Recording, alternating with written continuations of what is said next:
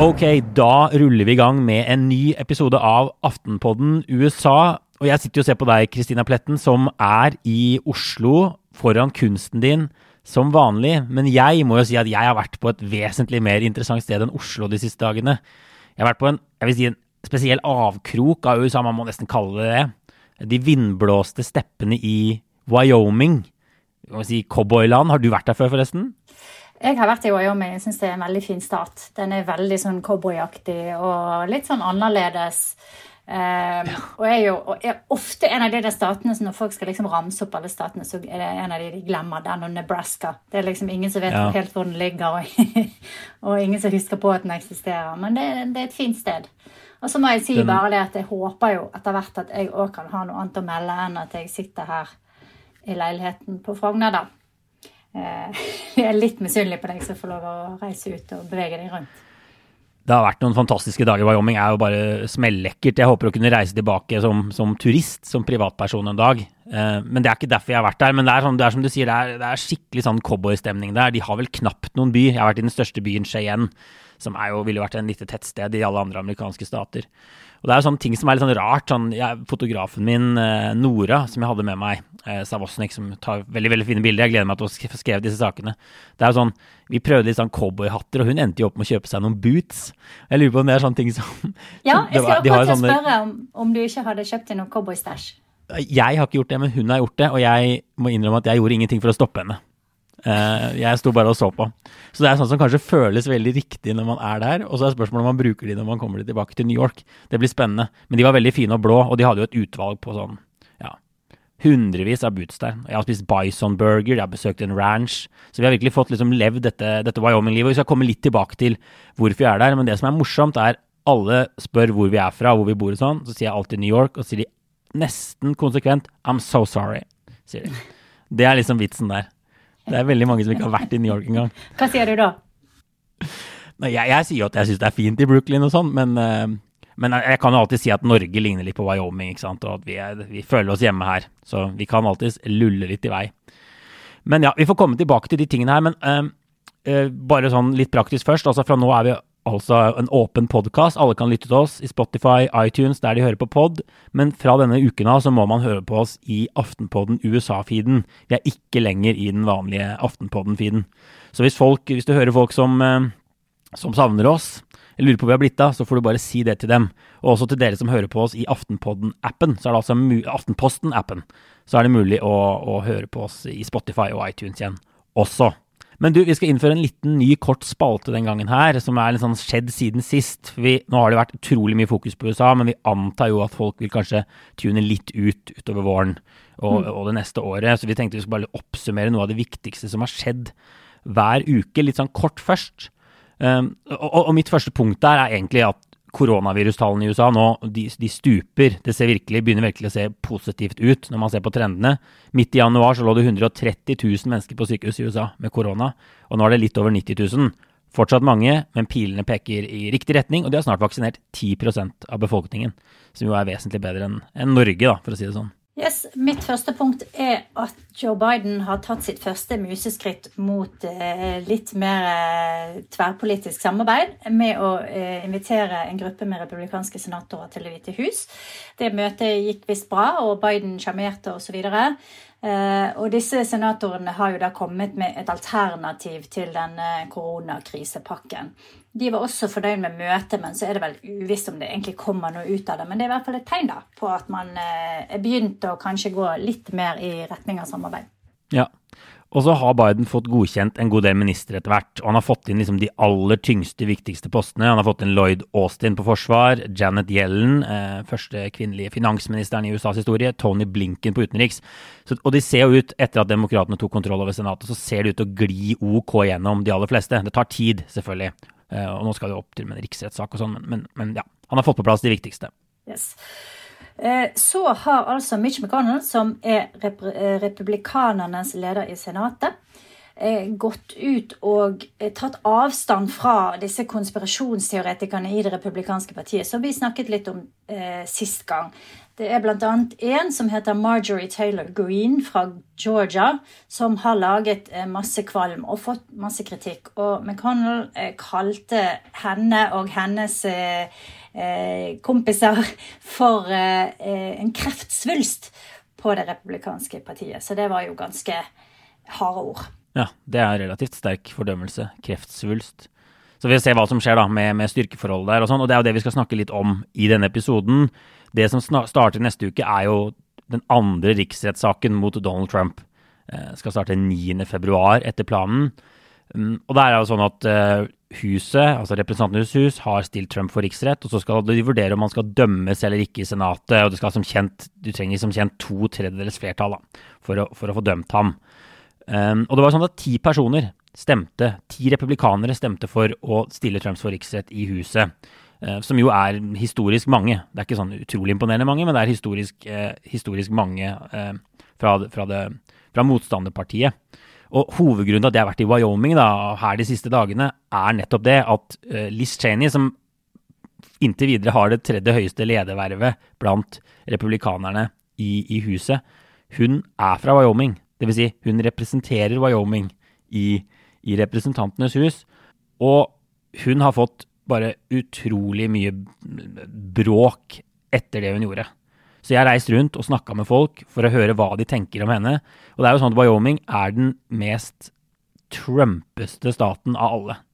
Det var 69,9% som stemte for Donald Trump i valget i, i november. Så det er jo sånn at her konkurrerer man jo ofte bare om hvem som er den ekte konservative. Det er jo ikke så mange demokrater, det er liksom masse republikanere som konkurrerer mot hverandre, og de har en sånn, masse sånne purity-tester tester og den type ting.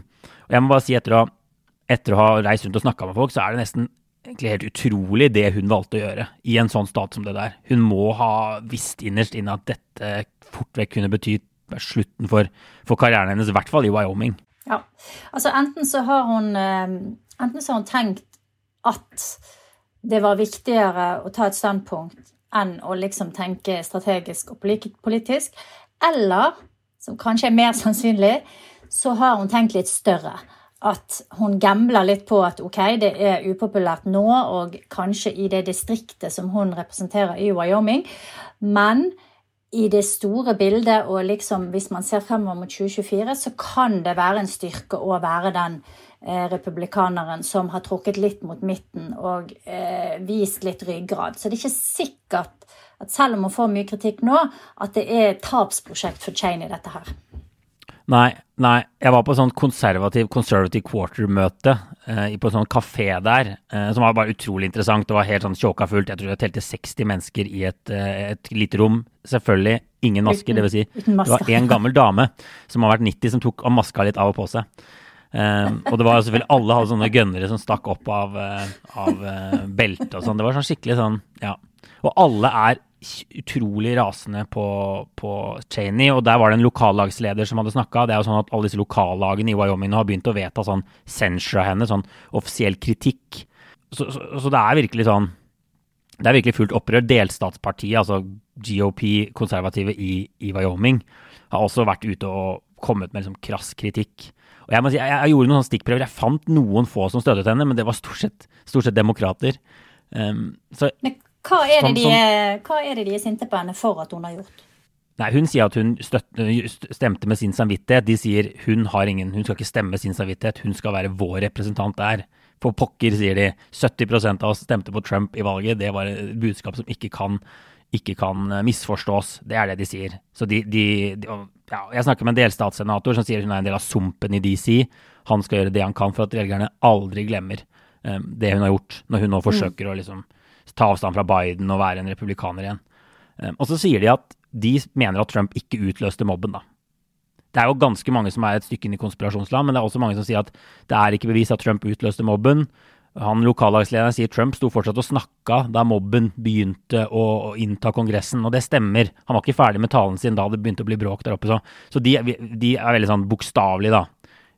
Altså, mm. Demokratene vil jo si at Trump over tid bidro til denne mobben med alt han gjorde fra valget og frem, men de sier liksom det var ingenting han sa den dagen. Man kan ikke finne sånn årsak-virkning, sier de. Og så er de veldig opptatt av Black Lives Matter, at det var bråk over hele USA, masse herpesering av ting og eiendeler som da de mener ikke ble fordømt nok. Så det er liksom, det er liksom der de er, da. Jeg tror eh, demokratene undervurderte enormt eh, backlashet etter Black Lives Matter og alle de der opptøyene som var i, i fjor sommer. Eh, jeg tror at det var en enormt sjokkerende opplevelse for veldig mange amerikanere. Og det var jo på eh, konservative medier som Fox News, så spilte jo de det om igjen og om igjen. ikke sant? Mobben som angriper eh, og brenner ned politistasjoner, bedrifter, smasher butikkvinduer, stjeler over hele USA. Så jeg tror det er veldig interessant at, du, at de trekker det frem til deg, og jeg tror at det, det der, det kommer til å forfølge eh, demokratene nå fremover. Og det er vanskelig for de også å ta avstand fra det, fordi at det er så mange interessegrupper på venstresiden som er opptatt av Black Lives Matter-bevegelsen, som er opptatt av disse spørsmålene. Så det er, det er innmari interessant, og det henger jo sammen, dette her. Så det blir veldig spennende å se hvordan de skal eh, prøve å liksom vri seg litt sånn bort fra det i fremtiden, uten, å, uten at det også vil, vil, få en negativ effekt på de da. Ja. Ja, altså, så Min lille stikkprøveoperasjon i Wyoming, ja, der er konklusjonen, må jeg bare si, at altså, senatorer som har sett det som skjer med Cheney, og ville vurdert å følge sin samvittighet, de blir nok litt skremt. Det er, eh, det er, i, hvert fall, det er i hvert fall et, et skikkelig opprør på grasrota der. Men det skal jo sies at de fleste senatorer ikke representerer en stat som Wyoming, da. De har et mye mm. mer, eh, mye mer blandet en mye mer blandet befolkning i sine delstater, som kanskje gjør at de må ta litt andre avveininger enn det Cheney ville gjort.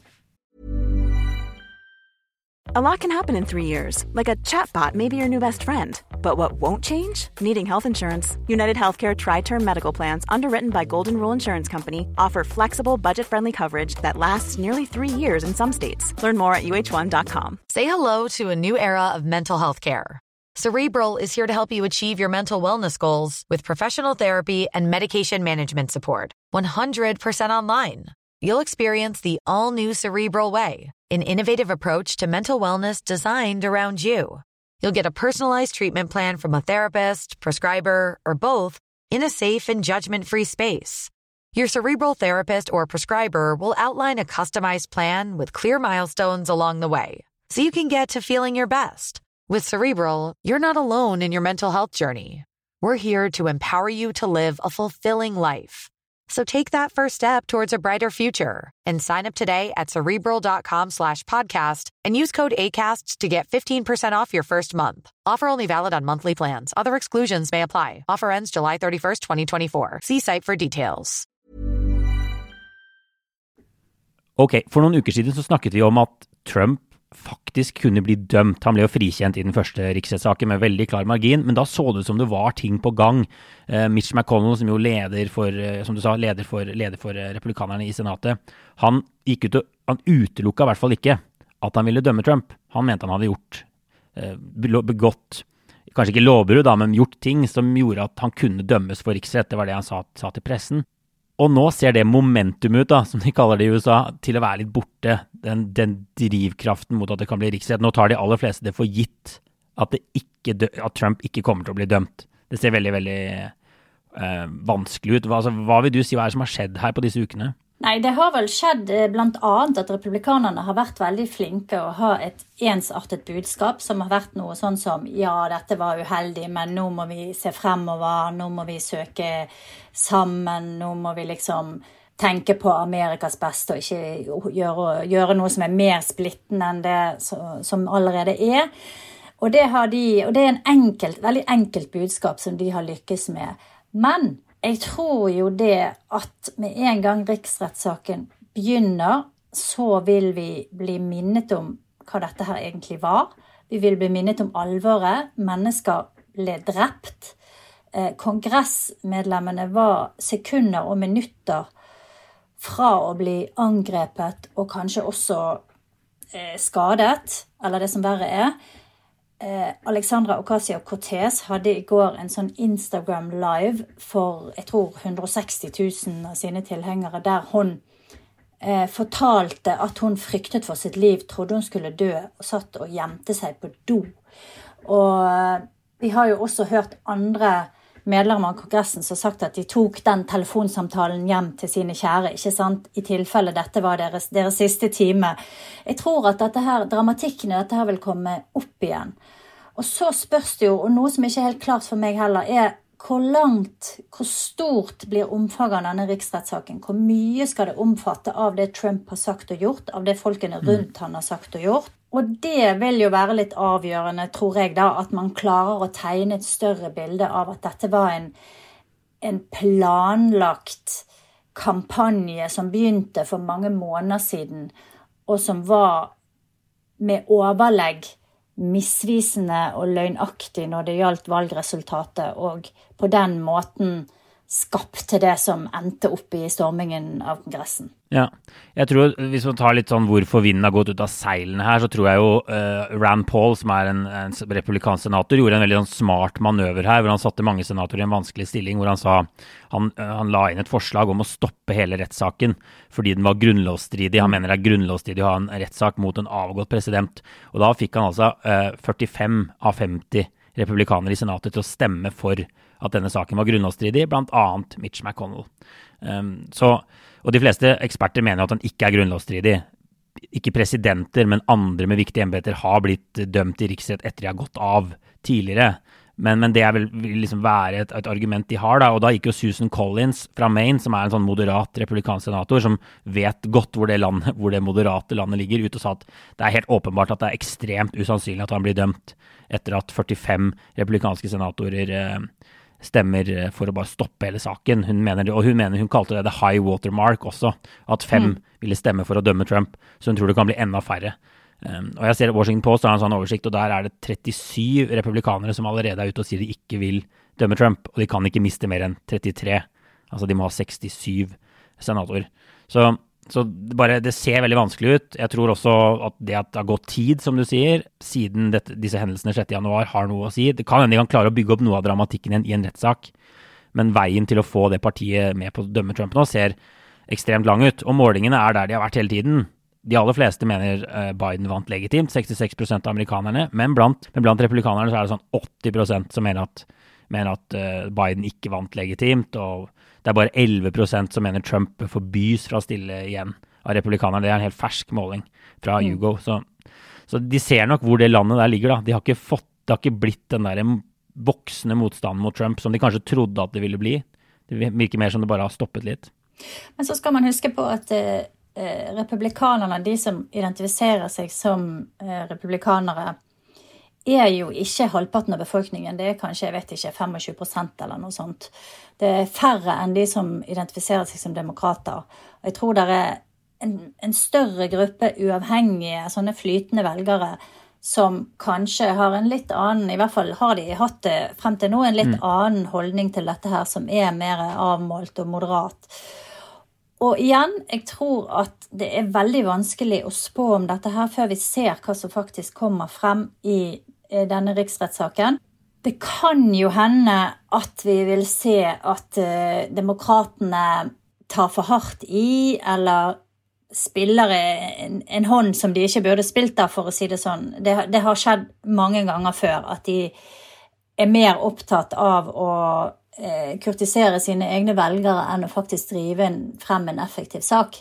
Så det kommer litt an mm. på også hvordan de legger dette opp, men, men jeg tror at de kan legge det opp på en måte som gjør det ganske vanskelig for en god del senatorer fra mer moderate stater da, å skulle gå on record og si at uh, dette skal vi ikke straffe, dette er greit, dette skal han frikjennes for. Så jeg, eh, jeg vil nå holde litt igjen med at, uh, at uh, han blir frikjent. Det er i så fall, tror jeg, for veldig mange frykten for hans makt og de, ikke minst de pengeinteressene han kontrollerer, de velgerinteressene han kontrollerer. Ja, og, og, og, det som jo Trump har gjort riktig da, siden, siden valget, eller siden Bidens innsettelse, og siden 6. januar egentlig, er jo at han har vært eh, påfallende stille. Og én ting er jo kanskje han kan takke Twitter hvis han faktisk ender opp med å bli eh, Ja. frikjent her til slutt. Eh, de fleste sier at det er en fordel for Biden at han ikke er på Twitter Trump og kan, kan plage ham, men jeg tror det er en fordel for Trump også. Han ville helt sikkert ikke klart å dy seg på å sende ut noen skikkelig provoserende meldinger hvis han fortsatt hadde vært på Twitter.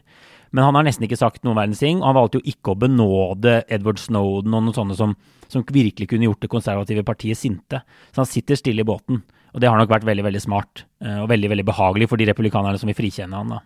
Det er litt sånn som når de hadde den der debatten der de kunne skru av mikrofonen hans. Så gjorde jo Trump det mye bedre. Så hvis, han Ja. ikke, hvis Twitter hadde stanset han før, og Facebook Hvis de hadde stanset han i august, så kan det jo hende Trump hadde rett og slett vunnet dette valget. Det er jo egentlig en absurd tanke, det. Ja, men er, jeg tror det kan stemme. Det er jo fortsatt veldig mange velgere som, som sier at de syns han gjorde bra ting, men de bare liker ikke personligheten hans. Jeg har møtt mange, flere av de i Wyoming òg, som, som er sånn Vi stemte på han, holdt oss for nesa, men, men bare han, han var en, en kjip person. Uh, liksom. Men Trump har slitt litt med å få på plass et advokatteam, da. Og det virker som det har vært litt uenighet om strategi. Ifølge medie, med amerikanske medier så ville Trump at de skulle fortsette å messe om at valget ble stjålet, og kjøre hele den linja der. Og at det førte til litt sånn indre uro, at hele teamet bare gikk av, og så måtte han finne nye. Han eh, Både han og Rudy Giuliani har jo fortsatt med dette her at valget ble stjålet. Og Giuliani var jo også ute på jeg tror Steve Bannon sin podkast og sa at, eh, at det var Antifa og The Lincoln Project, som altså er sånne konservative anti-trumpere, som egentlig står bak stormingen av Kongressen, og at de gjorde det for å skade Trump. Så de fortsetter jo med dette her narrativet som er sånn litt ute i kokoland, da. Men det ser ut som Trump nå har eh, klart å skaffe seg nye advokater som allikevel kan gi han et ganske eh, bra forsvar. Og Axios rapporterte jo at en av tingene som gjorde at de var at eh, det, det ble en, eh, en krasj mellom Trump og advokatene, handlet faktisk ikke om strategi, men om penger. At de forlangte mer penger enn det Trump var villig til å betale. Og han er jo notorisk for å ikke betale regningene sine og være ganske sleip når det gjelder sånne ting. Så kanskje noen av de også var fryktet at de ville legge ned veldig mye arbeid og ikke få betalt for det. Ja, og så har jo bl.a. Rudy Giuliani blitt saksøkt av dette selskapet Dominion, som leverer altså stemmeopptellingssystemer. Vi har jo kom, Når du lanserer sånne konspirasjonsteorier mot private selskaper, så er det jo en fare for at du ender i, i saksa selv. Og Det kan jo se sånn ut. Det virker som, altså, Så lenge du kommer med helt grunnløse påstander om en, en bedrift, så kan du, kan du bli saksøkt. Så det er sikkert litt Og sånne nå- ting de er redde for å gå i sånne feller. Ja, nå vil jo Lincoln Project også saksøke um, Giuliani for det han har sagt. Så han har faktisk fått et brev fra deres advokater, så de skal være litt forsiktige, tror jeg. Ja. Det er god amerikansk eh, saksøkingsmaraton på gang. Det er veldig bra. Det, ja. og så er det jo sånn at det ser ut som det disse advokatene faktisk kommer til å, å fokusere på, da. Eh, Disse Trump-advokatene, er dette som, som ser ut som være halmstrået til republikanerne, at dette er grunnlovsstridig. At de kan ikke dømme en avgått president. Og det kommer til å være en viktig del av eh, av Forsvaret, av det seriøse Forsvaret. Det er det de sier. Og så kommer de til å prøve å vise at Trump ikke hadde skyld i angrepet. Og det er sikkert litt sånn årsak-virkning og, og, litt av det de snakker om i, oppe, i, oppe i Wyoming. Wyoming også. Og så sier demokratene at deres forsvar blir et speilbilde av det. De vil først vise at dette er grunnlovsstridig. Nei, ikke er grunnlovsstridig, at de kan dømme en avgått president. Og så vil de vise at Trump over tid gjennom ord og handlinger hadde skyld i mobben. At denne mobben ikke hadde oppstått hvis ikke Trump hadde gjort som han hadde gjort. Men det er jo en litt risky strategi fra republikanernes side, fordi at hvis demokratene henter inn den ene grunnlovseksperten etter den andre eh, av de tyngste folkene, og de sier at dette ikke er grunnlovsstridig, og republikanerne ikke klarer å mønstre noe i nærheten av samme tyngden i det juridiske ekspertisen, hva skal de da gjøre, hvis, hvis det er liksom hovedargumentet? Så de, de tar en sjanse med, med å, å satse veldig mye på den ene hesten, tenker jeg. Jeg, jeg, tror, jeg, tror, jeg føler meg ganske trygg på at han kommer til å bli frikjent. Jeg tror det skal skje noe stort mellom nå og denne dagen hvor de skal dømme ham for at ikke det, ikke det skal skje. Det virker som de er villige til å strekke seg langt for å, for å, slippe, å, for å slippe å dømme ham. Og 17 er så mye. Det er så veldig veldig mange. Så man må liksom grave så langt ned i det republikanske senatet for å finne de 17. Eh, Men det er også en debatt, vi kan bare ta det kort, da, om man, hvis, man, hvis man ser at det går mot frikjennelse, at man heller kan vedta en sånn offisiell kritikk, en sånn censure, sånn som de har gjort av Liz Cheney i Wyoming, da, bare mot, mot Trump i, i Kongressen. Um, og noen håper de da kan også inkludere i en sånn censure en sånn, der, et, en sånn klausul om at Trump ikke kan stille til valg igjen. For det er jo det som liksom er gulrota ved å dømme ham for riksrett, er jo at de da kan pålegge han, eller nekte han fra å stille til valg igjen. Og de håper at det er mulig å gjøre det en bakvei, da, at de kan få med seg flere republikanere på det. Men der tror jeg det er mye sånn juridiske spørsmål. Om, om de har mulighet til å gjøre det med, med liksom 60 stemmer, da. Eller, mm. eller enda færre. Men det kan, det, det kan, vi komme tilbake til. Det kan bli interessant å se. Nå får vi først se hvordan denne riksrettssaken drar i gang. Men la oss si at Trump blir frifunnet, da. Eh, hva tror du det betyr liksom, for dette partiet videre? Han jublet jo høyt eh, da han ble frifunnet i januar i fjor, og fikk skikkelig sånn, et skikkelig hopp på meningsmålingene. Det var en ganske god, gode uker for Trump.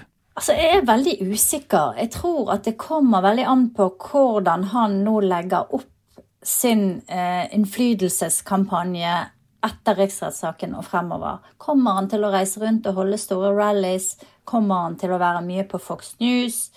Eh, kommer han til å bruke sin makt på en måte som er skremmende for de andre republikanerne? Jeg tror det er der svaret på spørsmålet ditt ligger. Han har tidligere ikke vist så veldig mye eh, disiplin, da, når det gjelder å, altså, å å, å drive liksom litt sånn strategisk, systematisk eh, politisk arbeid. Han har hatt mm. folk rundt seg som har gjort det, og så har han drevet med disse folkemøtene og satt på Twitter og sånn, men han har ikke vist så veldig mye interesse for det som er litt mer kjedelig og litt mindre glamorøst, liksom. Så hvis ikke han gidder å legge ned det arbeidet, så kan det hende at hans politiske profil vil feide litt ut etter hvert. Og jeg tror kanskje at det er det vi vil se når folk begynner å bli litt lei, og media begynner å bli lei, og Trump ikke helt gidder å kanskje eh, kjøre samme høye profil. Med mindre han setter i gang med valgkampen frem mot 2024 med en gang. Det er jo ja. et annet alternativ, selvfølgelig. Jeg tror ikke han kommer til å være så stille som han har vært nå eh, pga. riksrettssaken. Jeg tror han kommer til å være en mer synlig, markant skikkelse. Og det virker som han i hvert fall kommer til å drive en sånn svertekampanje mot alle de som har vendt seg mot han i den prosessen her. Det er han jo allerede i gang med. Det har kommet en mm. sånn intern meningsmåling fra Wyoming som Trump-organisasjonen Altså, de har fått en meningsmåler, da. En ekte meningsmåler som ikke har sånn utrolig god rating, men som, som faktisk ringer rundt, da. Og bruker en eller annen metode som skal være grei. Som viser at hun har 20% oppslutning i Wyoming nå i primærvalget. Og de bruker det til å vise at hun er en liksom, lost cause, da, tapt. Og de sendte jo opp en Matt Gates, en av disse uh, kongressmedlemmene fra Og virkelig sånn Trump-fansen Trump og kongressmedlemmene fra Florida holdt et møte i Wyoming foran Capitol, der hvor han bare ja, hvor han svertet Liz Cheney og hadde til og med Trump jr. på telefonen. Så de, de, er jo fortsatt med i spillet. Jeg tror vi kommer til å se mye mer av det om han ikke stiller til presidenten, så kommer han i hvert fall til å gjøre livet surt for alle de som, som han mener som står på svartelista hans. Men så har jo du sett eh, mange ganger at det har ikke lønt seg så veldig for folk å være eh, lojal mot Trump. Det er jo nesten ingen, inkludert Mike Pence, inkludert Jeff Sessions, tidligere justisminister, de har jo blitt eh, kastet på bålet, alle som en, etter mm. hvert som eh, et eller annet de har gjort, eh, har falt i unåde hos han. Og det kan jo da tenkes at disse her som går rundt med ambisjoner om å stille som presidentkandidat eller til en eller annen posisjon, begynner å tenke litt sånn Hvor lurt er det for meg å satse alt på å være eh, sin mann eller kvinne eh, når det allikevel kan liksom Jeg kan få alt i fleisen om et år eller to. Du ser det samme ja. med guvernøren i Georgia, ikke sant, som var liksom en sånn kjempestor Trump-forsvarer og Trump-tilhenger, eh, som også har eh, Brian Kemp heter han. Jeg glemte hva han het et øyeblikk. Men han har jo også fått masse pes fra Trump. Så, og er antagelig ferdig politisk, ikke sant. Så jeg vet ikke hva skal være liksom Hva skal være gevinsten for politikere med store ambisjoner for å klistre seg til Trump nå? Nei, jeg tror, jeg tror liksom hvis du skal ha en fremtid i partiet som det ser ut nå jeg, jeg, tror ikke de kommer til å ta noe oppgjør med trumpismen. Han er altfor populær blant folk flest. Jeg tror ikke der, at de kommer til å velge en, klar retning. Det kommer til å være en sånn rar hybrid. Og de som sikkert klarer seg best, er de som ikke er helt klistra opp til Trump. Men antageligvis ikke de som stemmer på riksrett heller. Jeg tror liksom du må finne en mellomposisjon. Du kan ikke være Liz Cheney, men du kan antageligvis kanskje heller ikke være, være helt i lomma på Trump. Og det er jo en del folk som, som, som kjører det mellomløpet der. Så det er det sikkert. Ja, det kommer vi sikkert til å se. Der kan man se liksom på Nikki Haley, for eksempel, som har kjørt et ganske smart løp. Vi får ha bitte litt OR til slutt, Kristina. Hva er det du har gått og tenkt på den siste uka? Jeg har tenkt på en mann som heter Timothy Snyder, som er en filosof som har bla- skrevet en bok om tyranni, som ble ganske mye lest eh, når Trump ble valgt. Og En gang så hadde jeg en intervjuavtale med han, satt og ventet eh, i en time på telefonen, og så hadde han glemt det. Og de ringte og unnskyldte seg veldig, men de fikk aldri gjort det igjen, da. Men han har vært fremme nå og snakket om noe som han kaller for the big lie. Og det er den store løgnen. Og har brukt det begrepet til å forklare strategien bak Trump og også disse konspirasjonsteoretikerne. Og det har vært veldig interessant å lese om. Og han har jo da alt fra en Twitter-tråd til en ganske lang artikkel i New York Times og til bøkene hans, så man kan liksom velge hvor eh, mye han vil gå inn i det. Eh, men det er Man starter med Twitter-tråden, man kan starte med å søke opp Timothy Snyder med Y på Twitter, og så lese den tråden om The Big Lie. Jeg ser at det er veldig mange nå som har tatt det begrepet og bruker det bevisst, og det er eh, innmari interessant, og det er veldig sånn verdt å, å få med seg også for å skjønne den diskusjonen som vil komme nå i, rundt riksretten og alt som har skjedd der. Og så kan jeg anbefale bøkene hans. Ja, av bøkene òg. Først Twitter-tråden, så eh, New York Times Magazine-artikkelen, og så til slutt eh, hele biblioteket hans. Han har skrevet mye. Ja, men den On Tyranny er jo ganske kort og liten, da, så den er jo veldig kjapt å lese. Min obligatoriske refleksjon er egentlig bare en anbefaling av en daily-episode. Det er jo ikke første gang vi gjør det her, om QAnon, konspirasjonsteorien. Um, de hadde en veldig morsom episode her om dagen om hva som skjedde da den dagen Biden ble tatt i ed. Vi har også skrevet en sak om det i Aftenposten. Uh, Den episoden heter 'A Conspiracy Theory Is Proved Wrong'. Og om hvordan verdenssynet til De har jo alltid justert, de har jo alltid gått og venta på at store ting skal skje, og så har det ikke skjedd. Men, men in, altså, innsettelsen da var jo på en måte siste mulighet for at Trump skulle stå fram som den store frelseren og arrestere alle disse pedofile, denne pedofiliringen som de tror styrer verden og sånn. Og det var rett og slett veldig mye skuffede sjeler. New York Times viser at de hadde en sånn parallell sånn TV-sending gjennom hele dagen, hvor de går og venter på at nå, nå kommer det snart, nå kommer det snart, og så blir Biden tatt til ed, og så flytter han inn i Det hvite hus, og så har det ikke skjedd noen ting. Og folk som altså forlater denne, forlater denne konspirasjonsteorien eh, som, som skuffa. Noen, mange tror helt sikkert fortsatt på det, men det er eh, noen som bare føler seg lurt. Jeg, altså, og jeg må også bare si, jeg var på, på denne Conservative Quarter her, og da var det en fyr som jeg syntes sa noe interessant, og, og som er litt sånn hvordan de reflekterer litt rundt de som er langt Han var langt inn i den Dominion, stemmerett, stemmeopptellingssystemet, QAnon og sånn. Og han sa han var så lei av at andre ikke brøy seg om det. Han var lei av å bruke ti timer hver dag på, disse, på å grave seg ned i disse tingene og sånn. Han ville egentlig bare fokusere på jobben. Han jobba på en sånn oljeraffineri, og familien sin igjen sånn.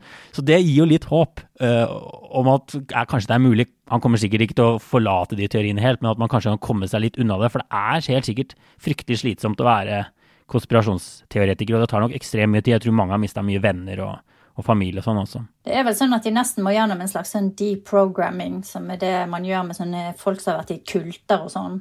At man må på en måte eh, omvende hele hjernen og måten å tenke på det, og bruke et slags sånn system for å, for å vri seg over i, en annen tank, i et annet tankemønster, kanskje. Ja. ja.